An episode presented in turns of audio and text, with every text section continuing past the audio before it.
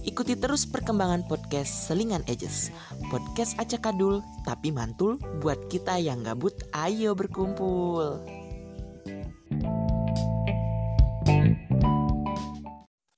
Yang dekat dengan Al-Quran termasuk orang-orang yang dimuliakan oleh Allah Subhanahu wa taala.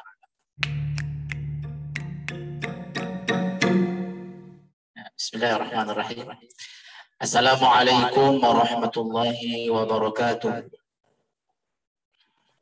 Waalaikumsalam warahmatullahi wabarakatuh.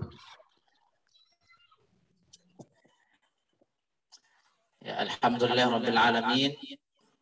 Wassalatu wassalamu ala as'adil khalqi wal mab'uth rahmatan lil alamin. نبينا ومولانا محمد وعلى آله وأصحابه ومن سار على سنته إلى يوم الدين أما بعد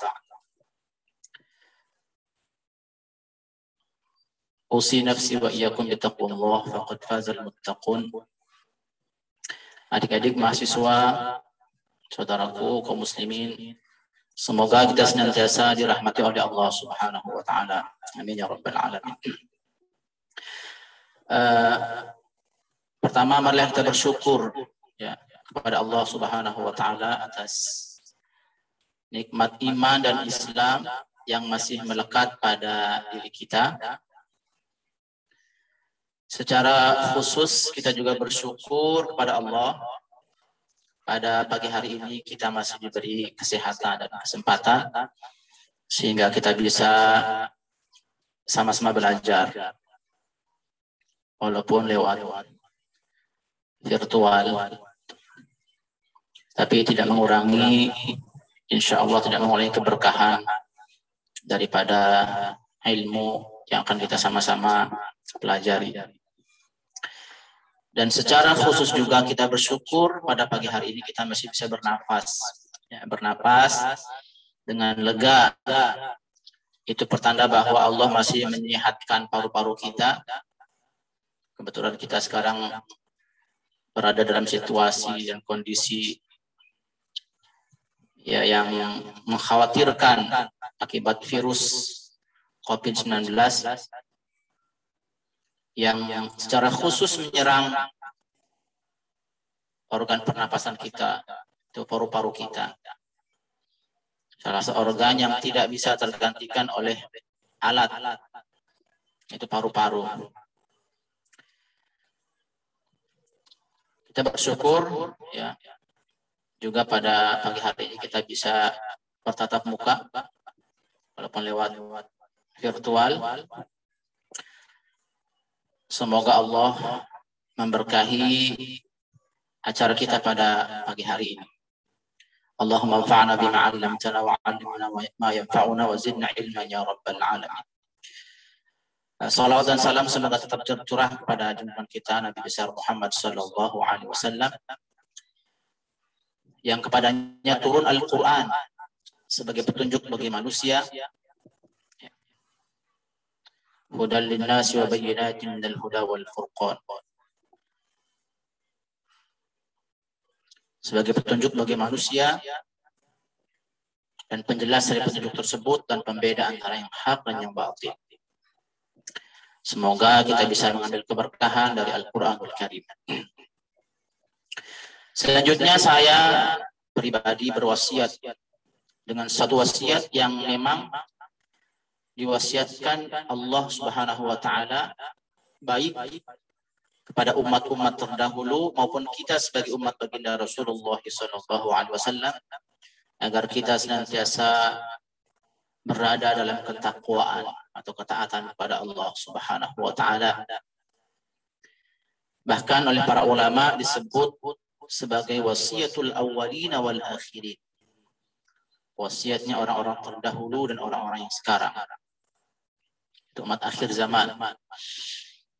Allah berfirman wassayna alladhina utul kitaba min qablikum wa iyyakum an taqullaha dan sungguh telah kami wasiatkan pada ahli kitab sebelum kalian wa iyyakum dan terkhusus bagi kalian umat baginda Rasulullah sallallahu alaihi wasallam Anittaqullah. Hendaklah kalian bertakwa kepada Allah. Dalam arti kita senantiasa berusaha menjalankan perintah-perintah Allah dan menjauhi larangan-larangan Allah. Anittaqullah. Wa in takfuru kata Allah, jika kamu meninggalkan wasiat takwa, jika kamu memilih jalan ingkar, dan jika kamu kafir, kufur, berpaling dari jalan takwa, lebih memilih memperturutkan hawa nafsu. Nah, mana wa in takfuru. Maka apa kata Allah? Fa inna lillahi ma fis samawati wa ma fil ardh. Maka sungguh milik Allah apa-apa yang ada di seluruh lapisan langit dan seluruh lapisan bumi. Ini sebagai tamparan keras bagi kita bahwa sebenarnya Allah Subhanahu wa taala tidak membutuhkan kita tidak membutuhkan makhluknya. Allah Maha Kaya qiyamuhu bi nafsih berdiri sendiri. Allahus Samad Allah tempat bergantung. Bahkan dalam satu hadis dijelaskan, "Lau anna awwalakum wa akhirakum wa insakum wa jinnikum ala atqa qalbi rajulin wahid ma zada fi mulkihi syai'a." Seandainya dari awal manusia sampai akhir, jin, manusia dari awal sampai akhir menjadi manusia yang bertakwa, menjadi makhluk yang bertakwa tidak menambah kemuliaan Allah Subhanahu wa taala. Tidak menambah kerajaan Allah. Sebaliknya walau anna awwalakum wa akhirakum wa insakum wa jinnakum ala afjari qalbi rajulin wahid. Kalau dari awal sampai akhir jin dan manusia menjadi makhluk yang ingkar kepada Allah, mana qasa fi mulkihi syai'a, tidak berkurang sedikit pun dari kerajaan Allah Subhanahu wa taala. Fa inna lillahi ma fis samawati wa ma fil ard. Karena milik Allah apa yang ada di langit dan apa yang ada di seluruh lapisan bumi. Wa kana Allahu ghaniyan hamida dan Allah itu maha kaya dan maha terpuji. Adik-adik, mahasiswa dan saudaraku kaum muslimin yang dimuliakan Allah Subhanahu wa taala. Alhamdulillah pada pagi hari ini kita masih bisa belajar. Walaupun habis usia kita, tidak akan habis ilmu yang akan kita pelajari. Bahkan semakin kita pelajari, kita akan merasa semakin bodoh. Karena ilmu itu lautan tak bertepi, Makanya Rasulullah sallallahu alaihi wasallam bersabda, "Utlubul ilma minal mahdi ilal lahdi." Tuntutlah ilmu dari buayan sampai liang lahat. Sampai mati. Bahkan menuntut ilmu atau belajar merupakan kewajiban bagi mukmin laki-laki dan mukmin perempuan. Talabul ilmi faridatun ala kulli muslimin wa muslimatin menuntut ilmu atau belajar itu adalah kewajiban bagi setiap muslim laki-laki dan muslim perempuan. Terlebih ilmu cara kita mendekatkan diri kepada Allah Subhanahu wa taala. Ilmu agar kita mampu dan bisa beribadah dekat dengan Allah Maha Pencipta. Allah Subhanahu wa taala. Di antara ilmu yang bisa membuat kita dekat dengan Allah Subhanahu wa taala adalah ilmu yang terkait dengan Al-Qur'an. Maka Al-Qur'an harus mendapatkan perhatian yang khusus bagi kita umat Islam. Kata Rasulullah dalam satu riwayat, wa man arada dunya fa'alaihi bil Qur'an. Siapa yang ingin dunia, jagalah Al-Quran. Wa man arada al-akhirah fa'alaihi bil Qur'an. Siapa yang ingin akhirat, jagalah Al-Qur'an. Wa man aradahuma ay ad-dunya wal akhirah. Siapa yang ingin keduanya, dunia dan akhirat, fa'alaihi bil Qur'an. Maka jagalah Al-Qur'an dengan Al-Qur'an. Maka Al-Quran merupakan sumber keberkahan. Bahkan cukuplah dengan Al-Quran, Allah subhanahu wa ta'ala memberikan berkah kepada kita dan orang yang dekat dengan Al-Quran termasuk orang-orang yang dimuliakan oleh Allah subhanahu wa ta'ala. Kata Rasulullah, khairukum man ta'allama al-Qur'ana wa 'allama. Sebaik-baik kalian, semulia-mulia kalian adalah orang yang ta'allama al-Qur'an, belajar Al-Qur'an wa dan mengajarkannya.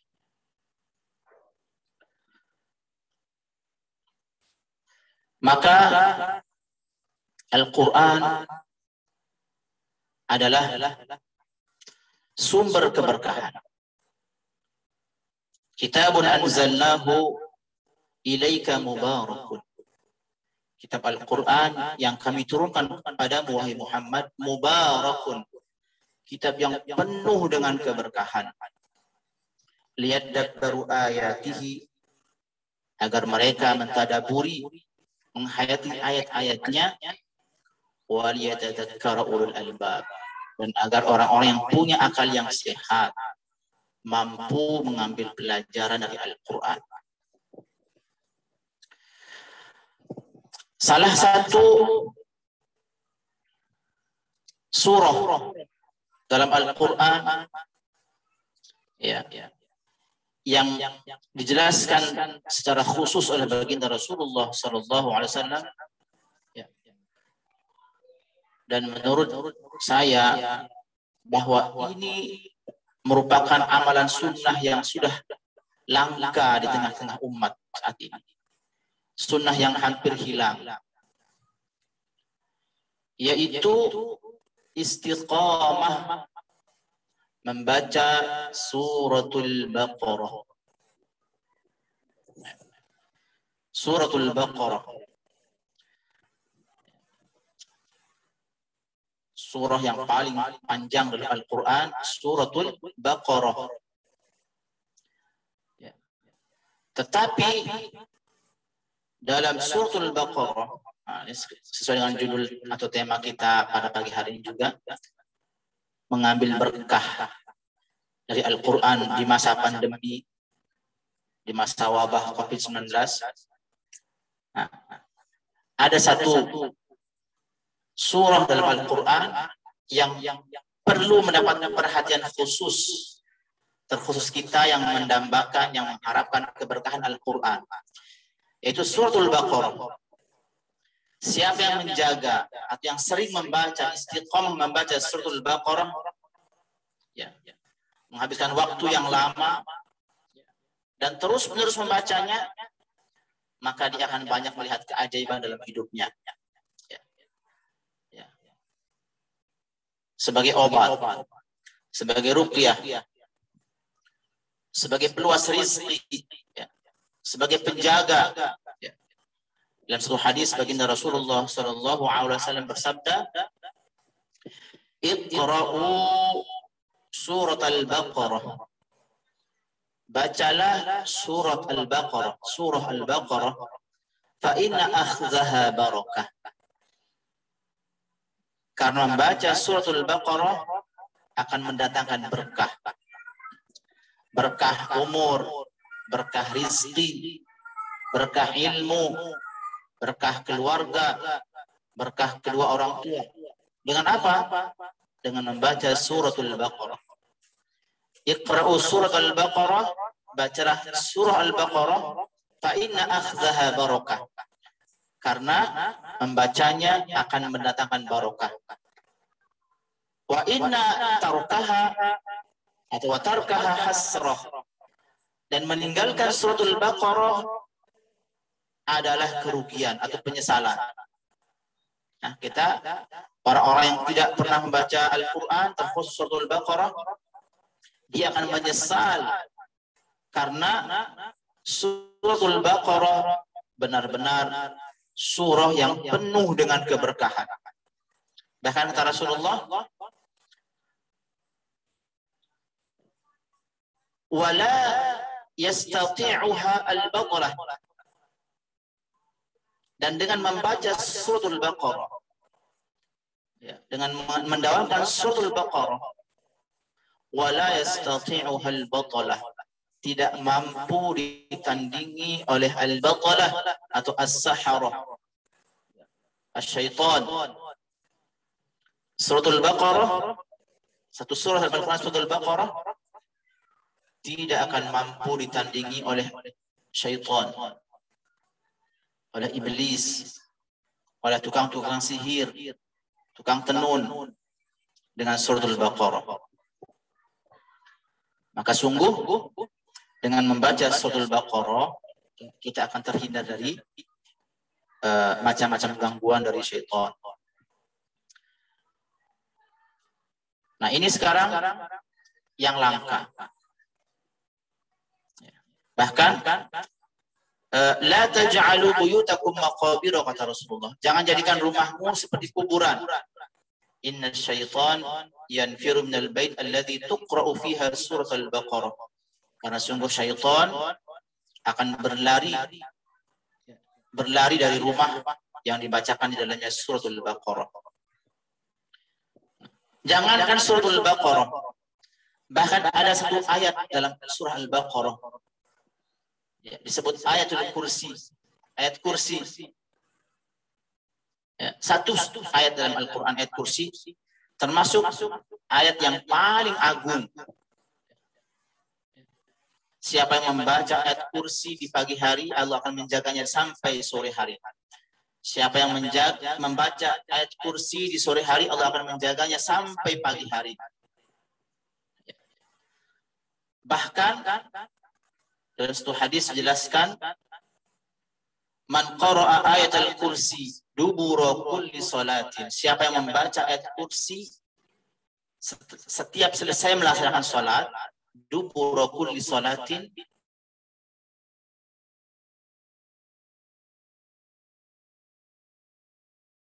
wasallam tidak ada yang bisa menghalangi dia masuk surga kecuali ajal, kecuali kematian. Luar biasa sekali. Terlebih di saat-saat kita sekarang ini ya, menjaga diri dari wabah virus yang tak kasat mata. Sungguh kita semua memungkinkan terpapar olehnya. Mudah-mudahan dengan Al-Quran, dengan suratul Baqarah, dengan ayat kursi, ya, kita terhindar dari semua mara bahaya termasuk bahaya dari wabah virus corona. Ini berkah yang pertama, mengambil berkah dari Al-Quran di masa pandemi. Rutinkan pertama membaca suratul Baqarah. Atau sekurang-kurangnya kalau kepanjangan kita setiap selesai sholat, jangan pernah berdiri atau pergi daripada masjid sebelum menyelesaikan ayat kursi. Setelah baca ayat kursi, bagi yang memiliki kesibukan, bolehlah dia meninggalkan masjid lalu berzikir dan melanjutkan zikirnya dalam perjalanan. Tidak tidak masalah. Ya. tetapi jangan sampai meninggalkan ayat kursi. Ya. karena agung sekali pahalanya siapa yang mendawamkan itu dia akan dijamin masuk surga oleh Allah Subhanahu wa taala dan tidak ada pembatas antara dia dengan surga saking dekatnya kecuali kalau dia meninggal dunia. Artinya ada jaminan dari Allah Subhanahu wa taala dan rasulnya Kemudian ada juga satu surah dalam Al-Quran ya, yang apabila kita baca nanti ayat atau surah tersebut akan menjadi pembela menjadi pembela sampai Allah mengampuni kita. Rasul bersabda, "Minal Qur'an 30 ayat." Ada di Al-Qur'an 30 ayat syafaat li rajulin hatta ghufirolah yang nanti akan menjadi syafaat akan menjadi pembela di hadapan Allah Subhanahu wa taala ya. sampai Allah mengampuni orang tersebut. Apa-apa suratnya? Tabarakalladzi biyadihi mulk. Surat Al-Mulk. Hendaklah di antara kita uh, senantiasa membiasakan diri atau mendawamkan diri untuk membaca suratul mulk, surat tabarak. Nah, kemudian ada juga satu amalan yang tidak pernah ditinggalkan oleh baginda Rasulullah Sallallahu Alaihi Wasallam hingga menjelang wafatnya. Beliau Sallallahu Alaihi Wasallam tetap membaca. Bahkan di saat sakit, ya, Aisyah membantu Rasulullah untuk membacakan surat tersebut. Ada tiga surat. Disebut dengan tiga kul. Kul huwallahu ahad, al-ikhlas. Kul a'udhu bi rabbil falaq, al-falaq. Dan kul a'udhu bi rabbin nas. Ya. Atau disebut al-mu'awwidhatain. Suratul ikhlas dan al-muawwidzatain. Ini senantiasa dibaca oleh baginda Rasulullah sallallahu alaihi wasallam hingga beliau sakit ya, juga tetap dibacakan oleh Aisyah diambil tangan Rasulullah ya. ini dibaca surah yang tadi Qul huwallahu ahad Al-Falaq An-Nas lalu ditiupkan ke tangan. Ditiupkan ya bukan diludahi. Ditiupkan. Lalu diusapkan ke seluruh tubuh kita. Diulang sampai tiga kali. Ya. siapa yang mengamalkan ini akan dijaga oleh Allah subhanahu wa ta'ala selama dia tidur. Adik-adik mahasiswa dan saudara kaum muslimin rahimakumullah. Maka sungguh sangat rugi orang-orang yang tidak kembali kepada Al-Quran. Orang-orang yang tidak menjadikan Al-Quran sebagai sumber keberkahan. Al-Quran, kalamullah. Ya.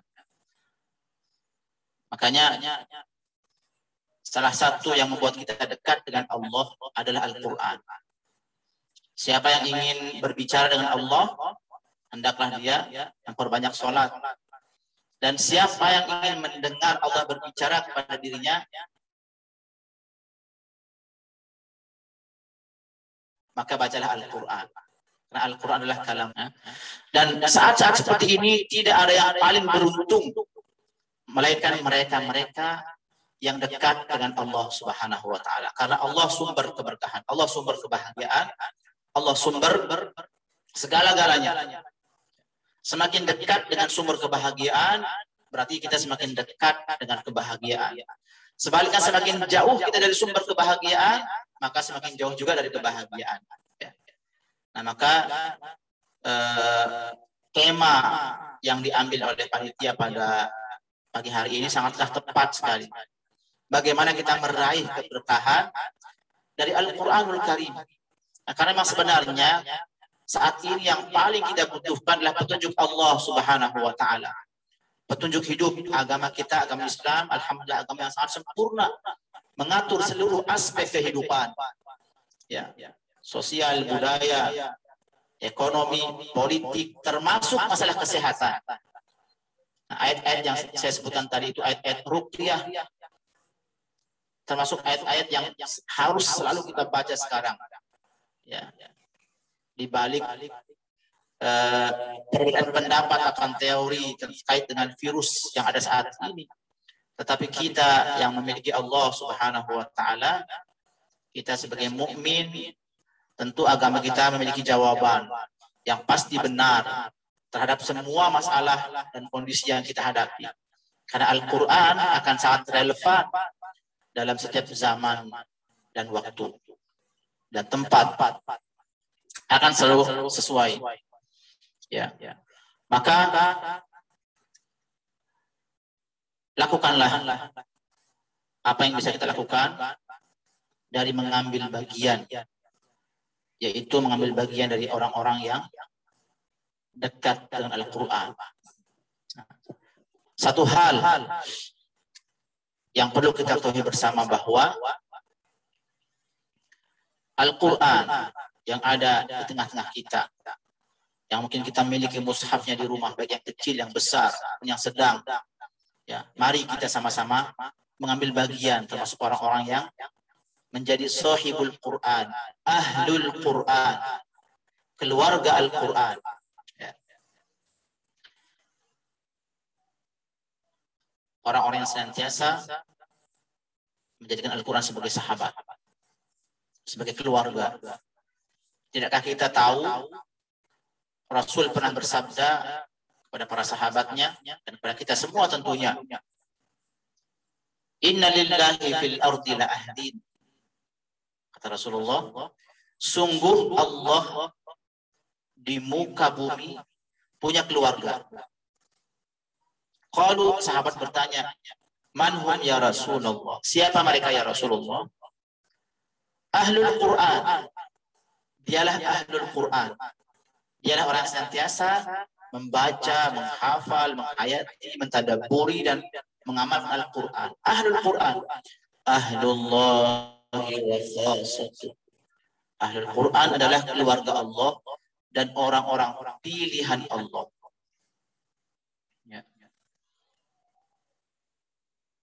Kemudian kami wariskan kitab Al-Quran pada orang-orang pilihan kami.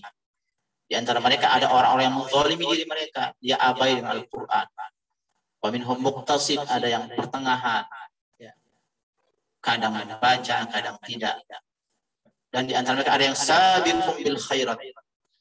Ada yang berlomba-lomba dalam kebaikan atau berlomba-lomba untuk mengambil manfaat, mengambil berkah dari Al-Qur'anul Karim. Dan ini yang kita harapkan bersama.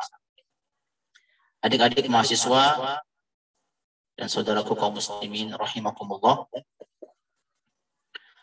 Maka bagi kita Ayo, ayo. Mengambil bagian. Walaqad yassarna al-Qur'ana lidzikr. Walaqad yassarna al-Qur'ana lidzikri. Dan sungguh-sungguh, kata Allah. Yassarna.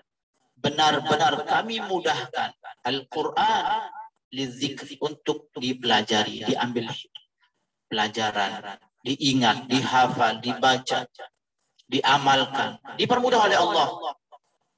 Fahal min mudakir, maka adakah yang mau? Nah, bukan adakah yang bisa, adakah yang mau? Siapa yang mau ambil bagian? Ayo, kita sebagai mukmin, sebagai muslim yang setiap hari berdoa ihdinas siratal mustaqim. Para ulama tafsir menjelaskan al-mustaqim di antara maknanya adalah Al-Qur'an tunjukilah kami jalan Al-Quran. Ya, Al-Quran. Maka sekurang-kurangnya ya, kita sebulan sekali untuk menghatamkan Al-Quran. Nah, sanggup kira-kira sebulan sekali? Insya Allah sanggup. Nah, kalau nggak sanggup, satu hari satu juz. 30 hari 30 juz. Sama kan? Ya, coba ucapkan sama-sama ya. Satu hari satu juz, 30 hari 30 juz. Sama-sama. Satu hari satu juz, 30 hari 30 juz. 30 hari 30 juz. Satu hari satu juz, 30 hari 30 juz. Coba. Hari satu juz, 30 hari 30 juz. Nah, ringan kan? Ringan. Nah, yang satu juz ini bisa kita baca sekaligus ya sekurang-kurangnya memakan waktu setengah jam atau lebih sedikit kalau bacanya lambat 40 menit atau boleh agar ringan terasa ringan maka dibaca empat halaman setiap sholat Surat lima waktu. empat kali lima dua puluh dua puluh halaman satu juz. Atau dibaca dua halaman sebelum sholat, dua halaman setelah sholat. Maka jadi empat halaman. Dan 30 hari kita hatam 30 juz. Kalau tidak hatam juga, ya, maka jangan jangan sampai kita termasuk orang-orang yang berhijrah dari Al-Quran, berlari dari Al-Quran. Mudah-mudahan kita semua diberi kemampuan ya untuk mengambil bagian untuk menjadi sahibul Quran atau ahlul Quran yang nanti akan menjadi ahlullah wa khasatullah. Bahkan satu lagi Al-Quran ini ya atau bagi orang-orang yang membaca Al-Quran dekat dengan Al-Quran artinya dekat dengan firman Allah dekat dengan Al-Quran yang mulia, siapa pun yang dekat dengan Al-Quran pasti mulia. Inna Allah rafa'a bihadal Qur'ani qawman wa yada'u bihi akharun. Allah meninggikan satu kaum dengan ini Al-Quran dan Allah pula akan merendahkan dengan ini Al-Quran satu kaum. Maksudnya adalah orang-orang yang menjadikan Al-Quran sebagai panutan, sebagai ajaran, sebagai zikir, sebagai petunjuk, maka dia akan diangkat oleh Allah. Keluarganya akan diangkat oleh Allah. Masyarakatnya akan diangkat oleh Allah. Masyarakat yang cinta dengan Al-Quran, yang peduli dengan Al-Quran akan diangkat oleh Allah. Sebaliknya, suatu kaum yang lalai, yang tidak peduli dengan Al-Quran akan dihinakan oleh Allah Subhanahu wa Ta'ala. Nah, maka disebutkan bahwa nanti Al-Quran ini, ya, kalau kita menjadikan menjadikannya sebagai teman, maka Al-Quran akan memberi lebih kepada kita. Berkah sekali. Nah, bagaimana maknanya berkah itu ziyadatul, ziyadatul khair, tambahan kebaikan. Siapa pun yang menjadikan Al-Quran sebagai sahabat, sebagai teman, maka Al-Quran akan membalas lebih akan menjadi sahabat di dunia. Akan menjadi sahabat di kubur nanti di alam barzakh. Akan menjadi sahabat di yaumil qiyamah. Hmm? Bahkan dijelaskan dalam sebuah satu hadis, Iqra'u surat al-Baqarah wa Ali Imran. Atau Iqra'u az-Zahrawan. Dua surah yang agung, surat az-Zahrawan, dua bunga. Al-Baqarah Ali Imran. Al-Baqarah Ali Imran. Innahuma ya'tiyani yawmal qiyamati ka'annaha ka'annahuma ghamamatan. Nanti akan datang sebagai awan. Ya, terlebih nanti di di yaumil mahsyar saat matahari sejengkal dari kepala kita. Nanti surat Al-Baqarah dan Ali Imran akan datang sebagai awan. Ya, awan yang akan menaungi orang-orang yang senantiasa mengamalkan surat Al-Baqarah dan surah Ali Imran. Nah, teman nanti di padang mahsyar. Bahkan teman saat seorang hamba dimasukkan ke dalam surganya Allah Subhanahu wa taala. Berdasarkan hadis Rasulullah sallallahu alaihi wasallam nanti yuqalu li sahibil Quran di surga ini. Allah nanti memanggil ahlul Quran orang-orang yang senantiasa menjadikan Al-Quran sebagai sahabat. Iqra kata Allah. Iqra warattil kama kunta turattil fid dunya. Baca dan tartilkan Al-Quran sebagaimana engkau mentartilkannya di dunia. Fa inna manzilataka inda akhiri ayatin taqra'uha. Kata Allah, sungguh tempatmu, posisimu sampai ayat terakhir yang kamu baca. Maka kata Aisyah radhiyallahu anha, tidak ada surga yang paling tinggi melainkan surganya para ahli Al-Quran. Karena derajatnya sesuai dengan ayat yang dia baca, tingkatannya tinggi sekali. Tinggi sekali derajatnya orang-orang yang ahli Al-Quran. Ya, maka sungguh benar kata Rasulullah. Siapa pun yang meninggalkan Al-Quran, penyesalan akan penuh dengan penyesalan. Ya, maka kita berdoa kepada Allah Subhanahu wa taala semoga Allah menjadikan Al-Qur'an sebagai uh, teman hidup kita. Allahumma ja'al Qur'ana rabi'a qulubina sebagai penyejuk hati kita wa nura sudurina dan cahaya bagi dada kita wa huznina dan penghilang daripada kesedihan kita wa zahabahu dan sebagai pengusir daripada kesedihan kita. Al-Qur'an ya, Al-Qur'an. Maka uh, telah banyak bukti ya. Tantur kaifa kana aqibatul mukadzibin. Silakan kamu lihat orang-orang yang mendustakan Al-Qur'an. Bagaimana akhir kehidupannya. Lihat. Sungguh uh, semua yang terjadi adalah pelajaran bagi kita semua. Ihdinas siratal mustaqim siratal ladzina an'amta 'alaihim minan nabiyyin ya. Siratal ladzina an'amta 'alaihim ghairil maghdubi 'alaihim waladdallin. An'amta 'alaihim dijelaskan di ayat yang lain itu minan nabiyyin, para nabi siddiqin, orang-orang yang percaya kepada Nabi Muhammad Siddiq, syuhada, orang-orang yang mati syahid di jalan Al-Qur'an, wassalihin dan orang-orang yang saleh. Nah, mudah-mudahan uh, kita semua bisa mengambil berkah daripada Al-Quran Al-Karim. Ya mungkin uh, itu dulu. Mudah-mudahan ada manfaatnya. Wabillahi taufiq wal hidayah. Wassalamualaikum warahmatullahi wabarakatuh.